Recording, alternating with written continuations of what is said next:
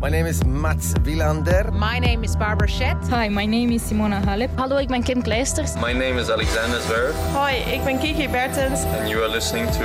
Achter de baseline. De backhand doet het. Natuurlijk zou je haast zeggen.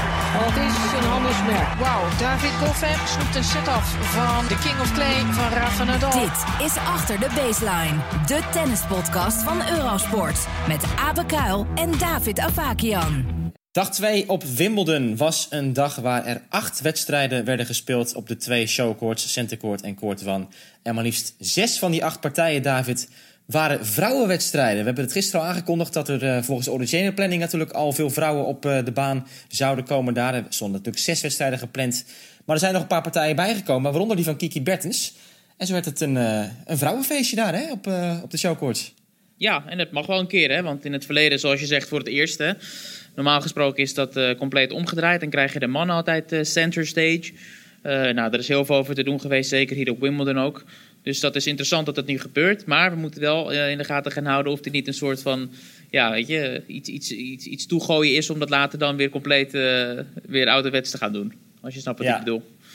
Ja, ik snap wat je bedoelt. Het is leuk. Wij hadden natuurlijk even contact ook tijdens de dag. En uh, jij stuurde op een gegeven moment bericht uh, van... oh, uh, Kiki Bertens wordt verplaatst van baan 12 naar het centercourt. En we hadden allemaal zoiets van... oh, leuk, dat is mooi voor, voor de kijkers, voor, hè, voor, voor de setting en zo. En toen dacht, moest ik gelijk lachen bij mezelf. Ik dacht, ja, waarschijnlijk had Kiki Bertens als enige dat, dat liever niet gehad. Het liever van centercourt naar baan 12 geplaatst geweest, ja. denk ik. Nou ja, ik maar, weet niet of, of, of, we daar meteen op gaan inhaken... of dat dat later aan bod komt. Anders kan ik daar gewoon meteen het hele verhaal achter vertellen. Ja, ga maar gewoon door, ja. Ja, oké. Okay. Ja, nou, Kiki die zei dus letterlijk toen zij om, uh, om half zes te horen kreeg dat dat uh, ging gebeuren, was haar eerste reactie, moet dat? Natuurlijk, want uh, ja, het verhaal is bekend. Kiki die... die Baan 18 niet... was ook vrij, zei Kiki, of niet?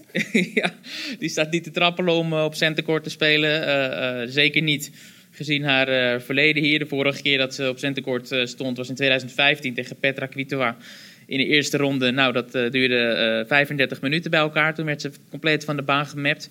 Uh, dus nou, dat was niet iets waar ze per se op stond te wachten.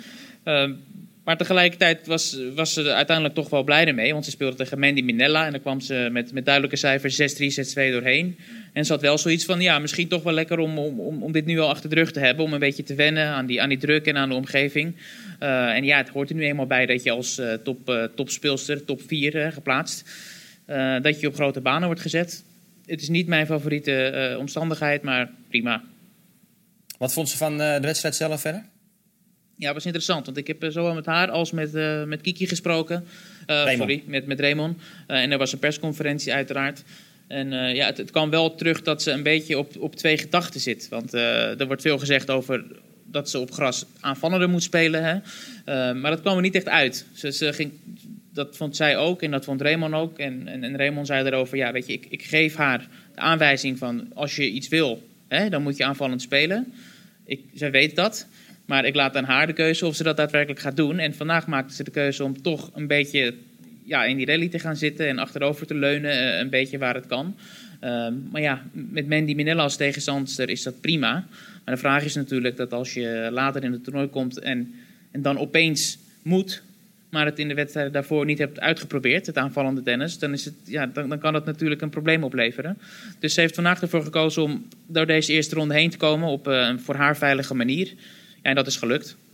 Ja, in de tweede ronde wordt het een hele andere partij. Want dan krijgt ze in elk geval ook aanvallend tennis tegenover zich. Dat is een wedstrijd tegen Taylor Townsend, een jonge Amerikaanse waar al ja, een aantal jaren toch wel het nodige over te doen is. Ik weet dat zij ook um, heel graag naar het net toe komt. Sterker nog, zij heeft altijd de routine gehad. Ik weet niet of het nog steeds zo is, maar dat ze bij het inspelen al de baan opkomt en dan gelijk gaat volleren.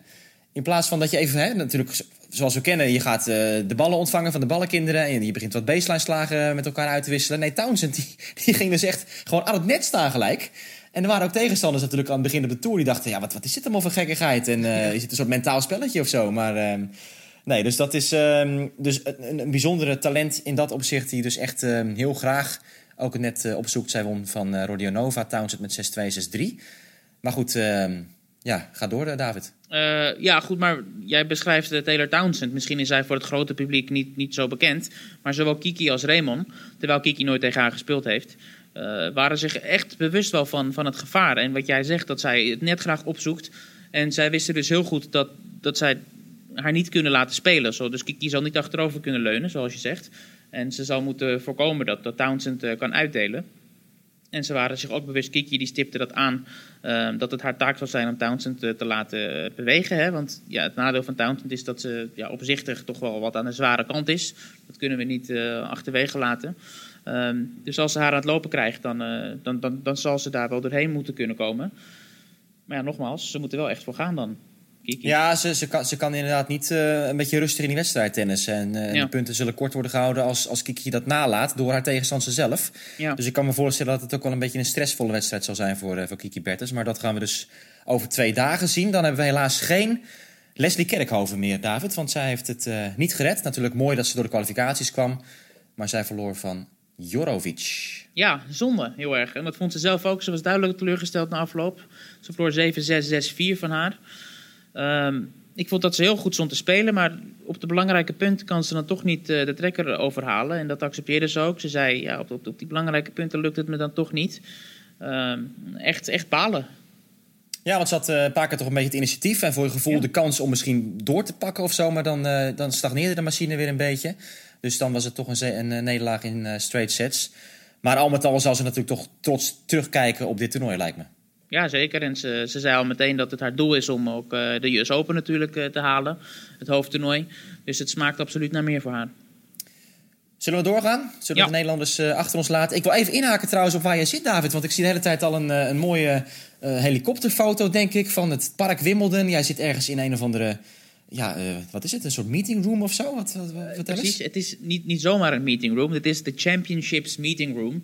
Uh, ik, ik, weet niet zeker waar het voor gebruikt wordt, maar voor het gemak gaan we er gewoon vanuit dat uh, hier alle belangrijke beslissingen worden genomen. Zoals dat Kiki werd verplaatst naar Centercourt, zoals dat daar daken open of dicht moeten.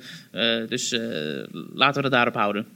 Jij hebt ook al, volgens mij daarachter zie ik iets van een afluisterapparaatje geplaatst, hè, geloof ik, voor, voor ADB. Of niet? Dat we al informatie ook binnenkrijgen vanaf nu. Uh. Oh, ja. ik had het zelf niet eens gezien. nee. Ja, nee, dus, uh, dus ja, goede ruimte om dit te doen. Hopelijk kan het in het vervolg ook.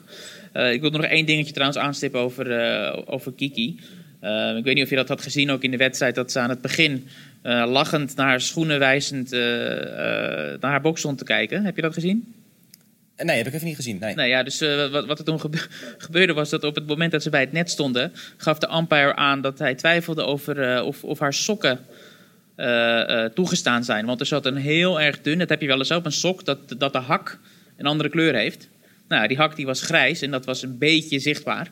Oh, en de referee die moest het even komen goedkeuren. En dat vond Kiki natuurlijk hilarisch, want die heeft het sowieso niet met al die regeltjes. maar uiteindelijk mocht ze gewoon door. Oké, nou goed, dat uh, is ook weer uh, veilig gesteld dan. Um, we blijven bij de vrouwen, David, want er kwamen natuurlijk heel veel toppers in actie vandaag. Uh, diverse oud-kampioenen, oud-nummers 1 van de wereld, et cetera.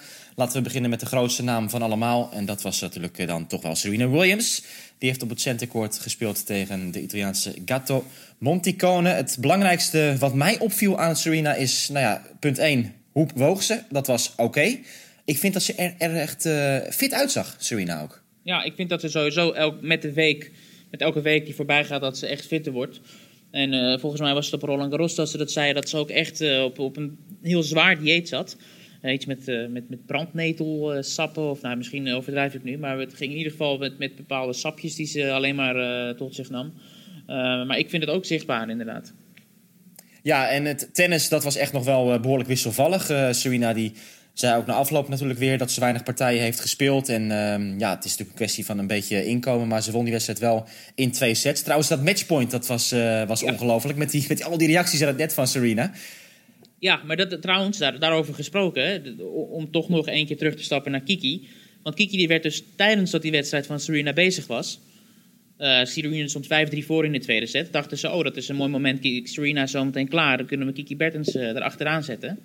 Maar ja, toen, toen had het voor hetzelfde geld nog uh, anderhalf uur door kunnen gaan. Want Serena die werd teruggebroken 5-5. En als het even anders had gelopen, ja, dan had die set gewoon, uh, was het een derde set geworden. En dan, dan staat Kiki daar uh, maar op te wachten. Ja, dat is misschien toch ook een andere keuze gemaakt, dat weet ik niet. Maar dat, ja. ja dat scenario werd vermeden. Nee. 6-2, uh, 7-5 de zegen voor Serena Williams. In dat loodzware bovenste kwart van het speelschema. Dat hebben we eerder ook al besproken in onze preview-podcast. Daar heeft ook gewonnen vandaag Ashley Barty. Vrij simpel van de Chinese Zheng Sai Sai 6-4 en 6-2. Barty, uh, ja, nummer 1 van de wereld. Uh, het is nog steeds een beetje, een beetje apart uh, om te zien. Maar um, zij gaat spelen tegen Alison van Uitvank in de tweede ronde. Wie daar is weggevallen is Garbine Muguruza. Dat was de eerste geplaatste speelster die Barty had kunnen treffen in de derde ronde. En niet te vergeten, twee jaar geleden kampioene. Garbine Muguruza ja. verloor met 2 keer 6-4 van Beatrice Haddad Maya. Ja, prachtige naam altijd. En een speelster waarvan linkshandige Braziliaanse, waarvan uh, best veel uh, werd verwacht, maar op een of andere manier toch niet echt is, uh, is, is doorgekomen. maar ja, dit is weer een prachtig resultaat voor haar. En volgens mij heeft ze in het verleden ook zo af en toe echt zo'n grote wedstrijd op zo'n grote baan die ze dan of, of heel goed speelt of wint. Ja, dit is er weer zo één. En Muguruza, ja goed, we weten het. Ze kan een toernooi winnen, maar ze kan een toernooi ook de eerste ronde eruit vliegen. Ja, terwijl dat toch op zich in de Grand Slams niet heel vaak is gebeurd uh, met de Spaanse. Maar het, ja, het is natuurlijk pijnlijk om te zien dat het maar niet op de rit wil komen hè, bij uh, Camille. Ze was hier als 26e geplaatst. Gaat dus weer een, een zware tik krijgen. En um, goh, ja, zelf ook nummer 1 van de wereld geweest. maar daar is echt heel ver van verwijderd al lange tijd nu, Carbine Muguruza. Angelique Kerber is iemand die het weer wat beter op de rit aan het krijgen is. Zij verdedigt de titel natuurlijk hier uh, van vorig jaar. Toen won ze van Williams in de finale. Zij won van haar landgenoten 6-4, 6-3. Kerber mocht het uh, bal openen vandaag. Traditiegetrouw op dag 2 op het centercourt. Um, wie hebben we nog meer daar zitten? We hebben Johanna Conta die wist te winnen in straight sets. We hadden Kvitova die ook door is... Nou, dat is de um, onderal, want in dat, in dat pool des doods... Ja, dat is het tweede kwart, ja, klopt. Ja, viel uh, Maria Sharapova nog weg op, op een opmerkelijke manier. Uh, ze won de eerste set, kwam ook dik voor in de tweede set tegen Pauline Parmentier. Uh, maar uiteindelijk heeft ze bij een 5-0 achterstand in de derde set... met een, met een ja, hele grote sticker, tape, pleister op haar, rechter, nee, op haar linkerarm... ja, stopte ze ineens de strijd. Nou, dat is op, op zich opmerkelijk om, om, om dan op 5-0 te stoppen... en dan niet nog één gamepje verder te gaan... Maar dat zal er waarschijnlijk mee te maken hebben gehad. Want volgens mij moesten ze serveren.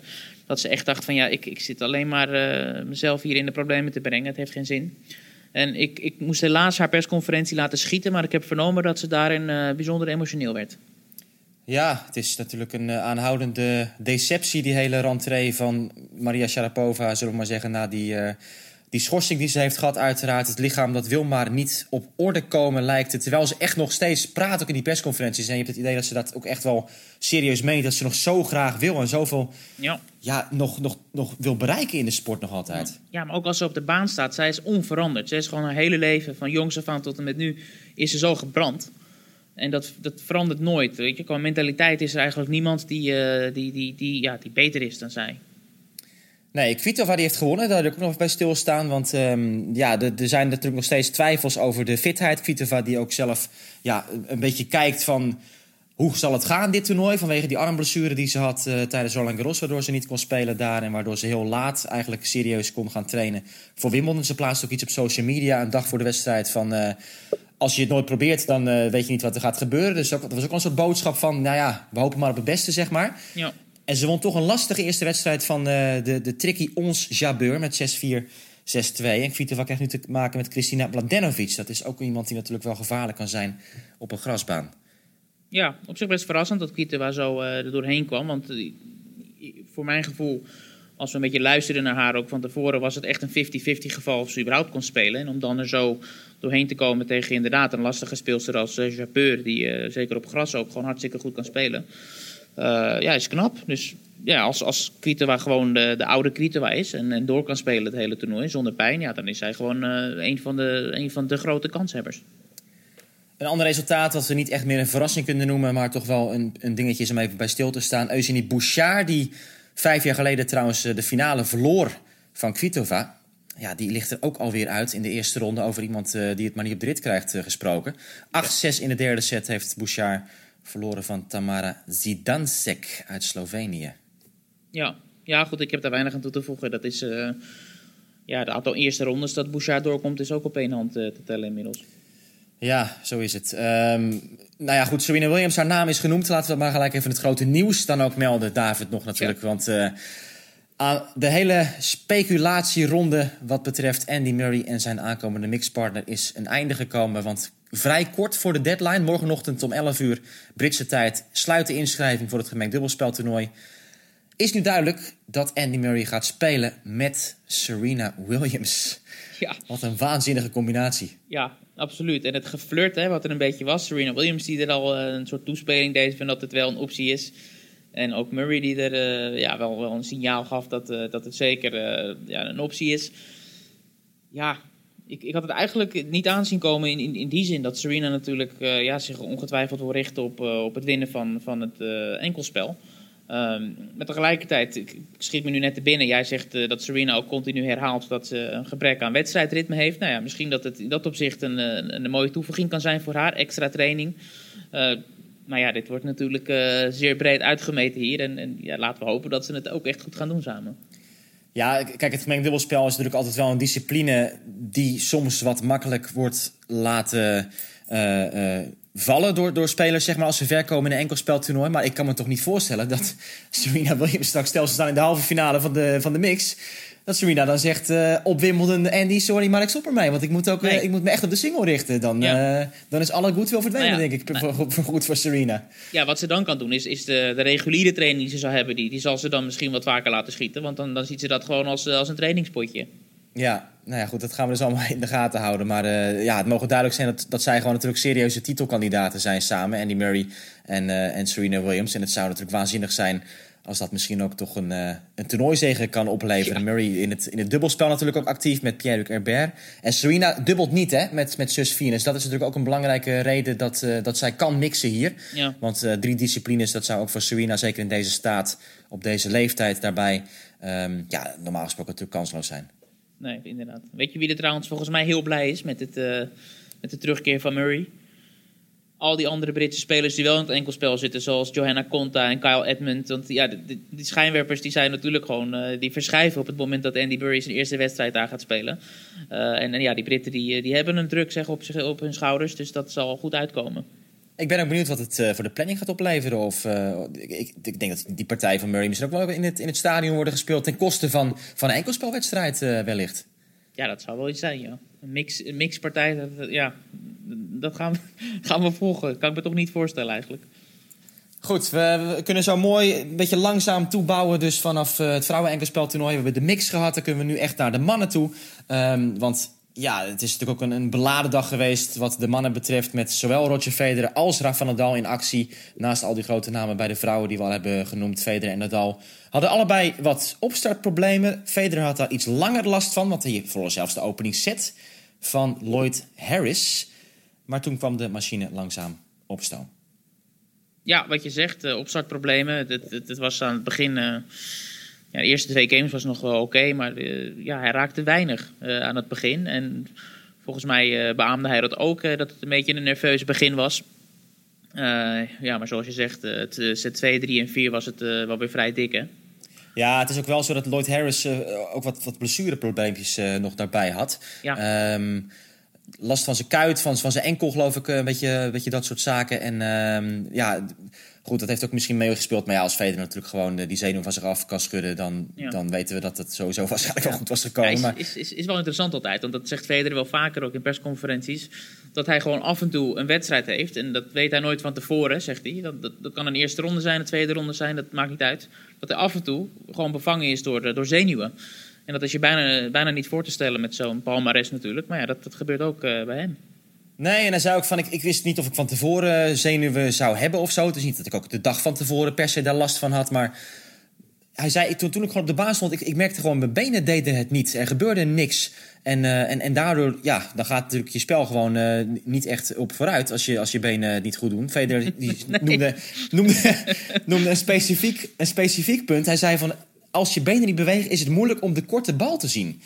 En in de verdediging ben je dan zwak. En, zo, ja. en opeens ben je dan natuurlijk gewoon in de problemen. En dat was een beetje de, de cirkel, de visieuze cirkel waar hij in zat.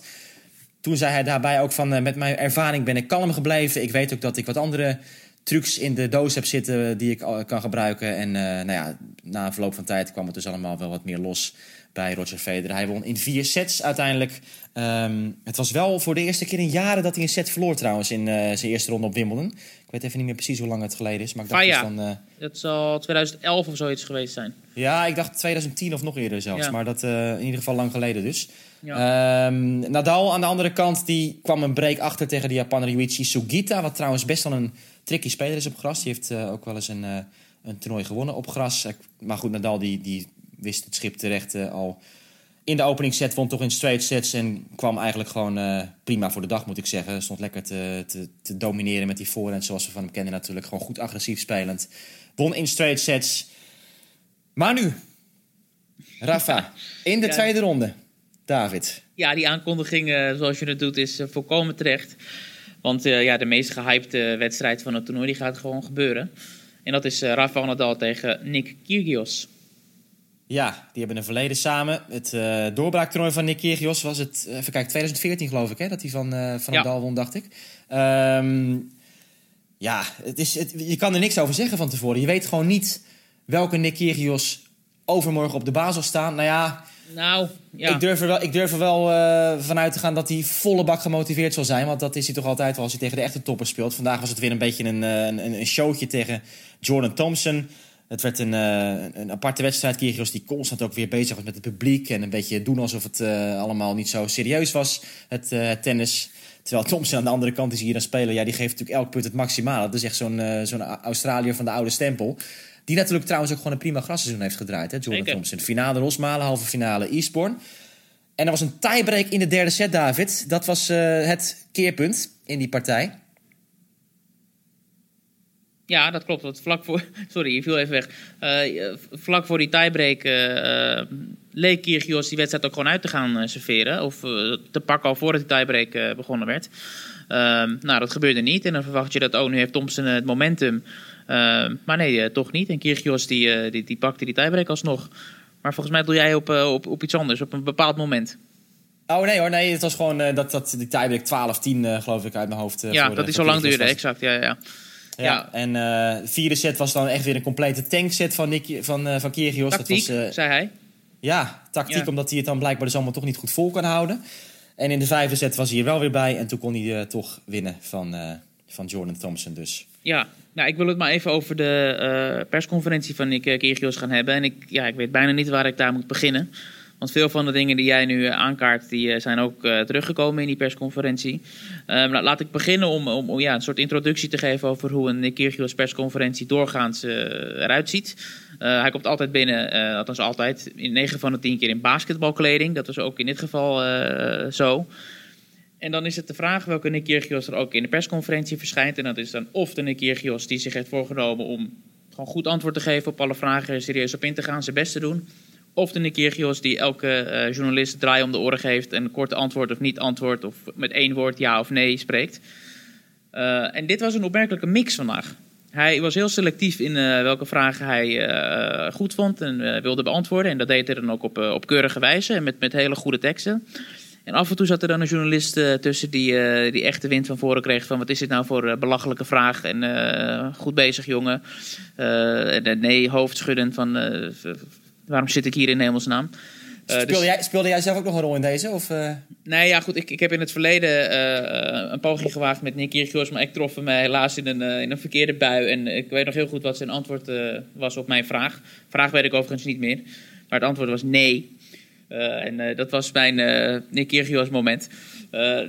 Ja, goed, ik, ik kwam ook wat later binnen, dus ik wilde geen, eh, geen risico nemen. En ik was te veel aan het genieten van eh, de rest van het spektakel. Want ja, die Britten, die houden natuurlijk van, eh, van wat hype en van wat controverse. En één collega die, die wilde natuurlijk ja, die, die tegenstelling en die, die, ja, die verstoorde relatie tussen Nick Kyrgios en Rafael Nadal natuurlijk echt goed aankaarten.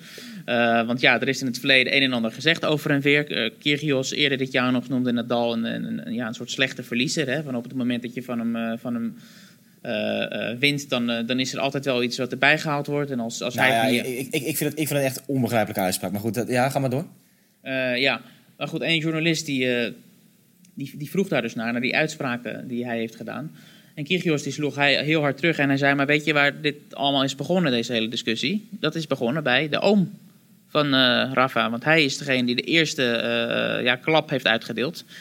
En hij vroeg aan de journalist van als je zo goed op de hoogte bent en uh, bij mij zeg maar zo een quoteje wil komen halen, weet jij wel wat uh, Tony Nadal over mij heeft gezegd?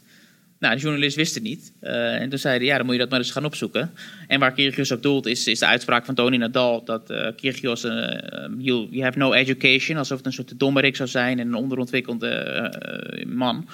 En daarop heeft Kyrgios dan weer zijn weerwoord gegeven. En zo is een beetje dat, ja, die, die discussie ontstaan. Ja. Ja, dus nou, dat was, ja. ja ik, om, om daar even in te haken. Kijk, die, die, die education, dat ging volgens mij meer over het, het, het morele uh, um, aspect. Dat je, hey, hoe gedraag je in het dagelijks leven? Het ging niet zozeer over welke boeken Nick Kyrgios heeft, gele heeft gelezen of wat hij heeft gestudeerd. Maar het zijn natuurlijk meer die gedragsnormen. En daar heeft Van Dal ook uitspraken over gedaan in het verleden over Nick Kyrgios. Dat hij natuurlijk gewoon te weinig respect toont naar zijn tegenstanders, naar het publiek, naar, uh, naar zichzelf. Dat waren uitspraken dit jaar in Acapulco. Dat was wel toen Nadal had, uh, had, hij, toen had hij verloren van Kyrgios volgens mij. Nadien zei Ja. hij die, die dingen. Uh, niet, niet daarvoor, dus nadien zei hij dat volgens mij. Ja, ja, Nadal die zei daar uh, dat, dat, dat Kyrgios een gebrek aan respect voor zichzelf, voor het publiek en voor de tegenstander Ja, heeft. dat zeg ik net. Maar dat was volgens Ja. mij dus na afloop van die nederlaag. Dus, dus daar heeft Kyrgios dan natuurlijk zoiets uh, van... ja, dus als, hij, als ik van hem win, dan gaat hij dat soort dingen roepen. Ja. Nou ja, Nadal zegt, zegt dat soort dingen heel vaak over Nick Kyrgios. En hij is niet de enige. Ja. Maar ja. Ja, en het leuke is natuurlijk ook dat, dat die wedstrijd die is nu dus die zij gaan spelen, die wordt ontzettend op social media ook opgepakt. En, en, en, en bijna alle berichten die daarover worden geschreven, worden dan actief geliked en geretweet door uh, Nick Kyrgios. Die leeft voor die wedstrijden, herhaalde hij vandaag ook. Tegen die toppers staat hij er en hij keek er ontzettend naar uit. Hij zegt op dit moment ben ik fysiek gebroken, want ik heb al lange tijd niet zo'n lange wedstrijd gespeeld als, als nu tegen Jordan Thompson. Dus daar moet ik van herstellen. Maar ja, echt uh, watertandend bijna uh, vooruitblikken naar die wedstrijd. Wij gaan doorschakelen, David. Uh, overmorgen dan wordt die wedstrijd gespeeld. We hebben vandaag nog een volgende verrassing gehad in het mannentoernooi. Want Dominic Thiem is uitgeschakeld. Hij verloor van Sam Querrey. En zei na afloop, ja, weet je wat het is? Ik heb zes weken vol gas gegeven op gravel. En het is gewoon heel moeilijk om dan uh, nu alweer te kunnen pieken op een andere baansoort. Nou ja, en Sam Querrey is natuurlijk gewoon een dramatische eerste ronde tegenstander op Wimbledon. Een speler die hier, meen ik, de halve finale eerder ook heeft gehaald uh, een keer. Hij heeft, uh, hij heeft gewonnen hier in 2016 van Novak Djokovic. Ja. Toen Djokovic nummer 1 van de wereld was. En in 2017 won Querrey ook van Andy Murray. Toen Murray nummer 1 van de wereld was. Ja. En het is inderdaad gewoon een prima uh, uh, grasspeler sowieso. Ja, dit is uh, grappig om te zien. Ja. is toch een beetje in de vergetelheid geraakt. maar ja, dit is weer een mooi moment voor hem. Ja, en, en Team staat niet, niet bekend als iemand die vanaf de eerste ronde van een toernooi of van een Grand Slam al meteen op volle toeren staat te spelen. En tegen Querrey krijg je gewoon die hele gelegenheid niet. Nee, het uh, is wel sneu om te moeten concluderen dat team in de vierde set echt helemaal niets meer voorstelde. Want hij won maar vijf puntjes in die uh, laatste set van Query. Dus dat geeft ook wel een beetje aan dat waarschijnlijk hè, mentaal ook de tank gewoon niet optimaal was opgeladen voor Dominic Team na dat intensieve gravelseizoen. Nee, volkomen met je eens. En uh, schiet me nu te binnen, dus ik zeg het maar ook gewoon meteen. Weet je wie pas een dramatisch Wimbledon draait? Ik weet niet of het mag hoor trouwens van, van, van de producer, maar Adidas wilde ik zeggen. Ja, dat Want mag. Dominic Thiem die, uh, die droeg Adidas, Tsitsipas droeg Adidas, Zverev, Muguruza. En die hadden allemaal prachtige fotoshoots uh, voor Wimbledon met hun, met hun witte kleding, met die rode, uh, rode accenten. En werkelijk iedereen die die collectie draagt, die ligt er gewoon uit. Dus die hebben ja, niet, niet veel kunnen genieten van die campagne. Nou, zal ik dan iets negatiefs over Nike zeggen? Nou? Dennis Shapovalov. Tja. Ja, dat, we hadden het er vandaag nog over. Shapovalov heeft ook verloren inderdaad meteen zijn eerste ronde partij ja, met een collega, een Nederlandse collega hadden we het erover. En ja, mijn, mijn conclusie is een beetje dat hij... Hij is te flexibel of zo. Alsof uh, bij elke slag die hij slaat, uh, vliegen alle gewrichten uit de kom. En uh, na de slag dan komen ze allemaal weer bij elkaar. het zit allemaal zo ongepolijst en zo los. En het, het, vliegt alle kanten op. Terwijl het echt gewoon... hij kan wel in een keurslijf een beetje. Ja, hij verloor van Ricardas Berankis in straight ja. sets. Daar verliest niemand meer van. Ja, en, en nou ja, het belangrijkste is misschien nog wel dat Shapovalov natuurlijk een, een gevaarlijke speler in principe was in het deel van Nadal. Um, nou ja.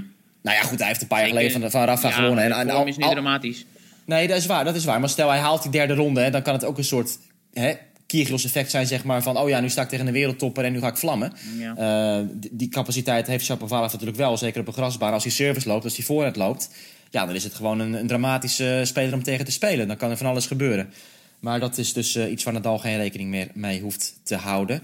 Um, Marcus Baghdatis gaat Ja. afscheid nemen hier, maar heeft nog wel gewonnen vandaag.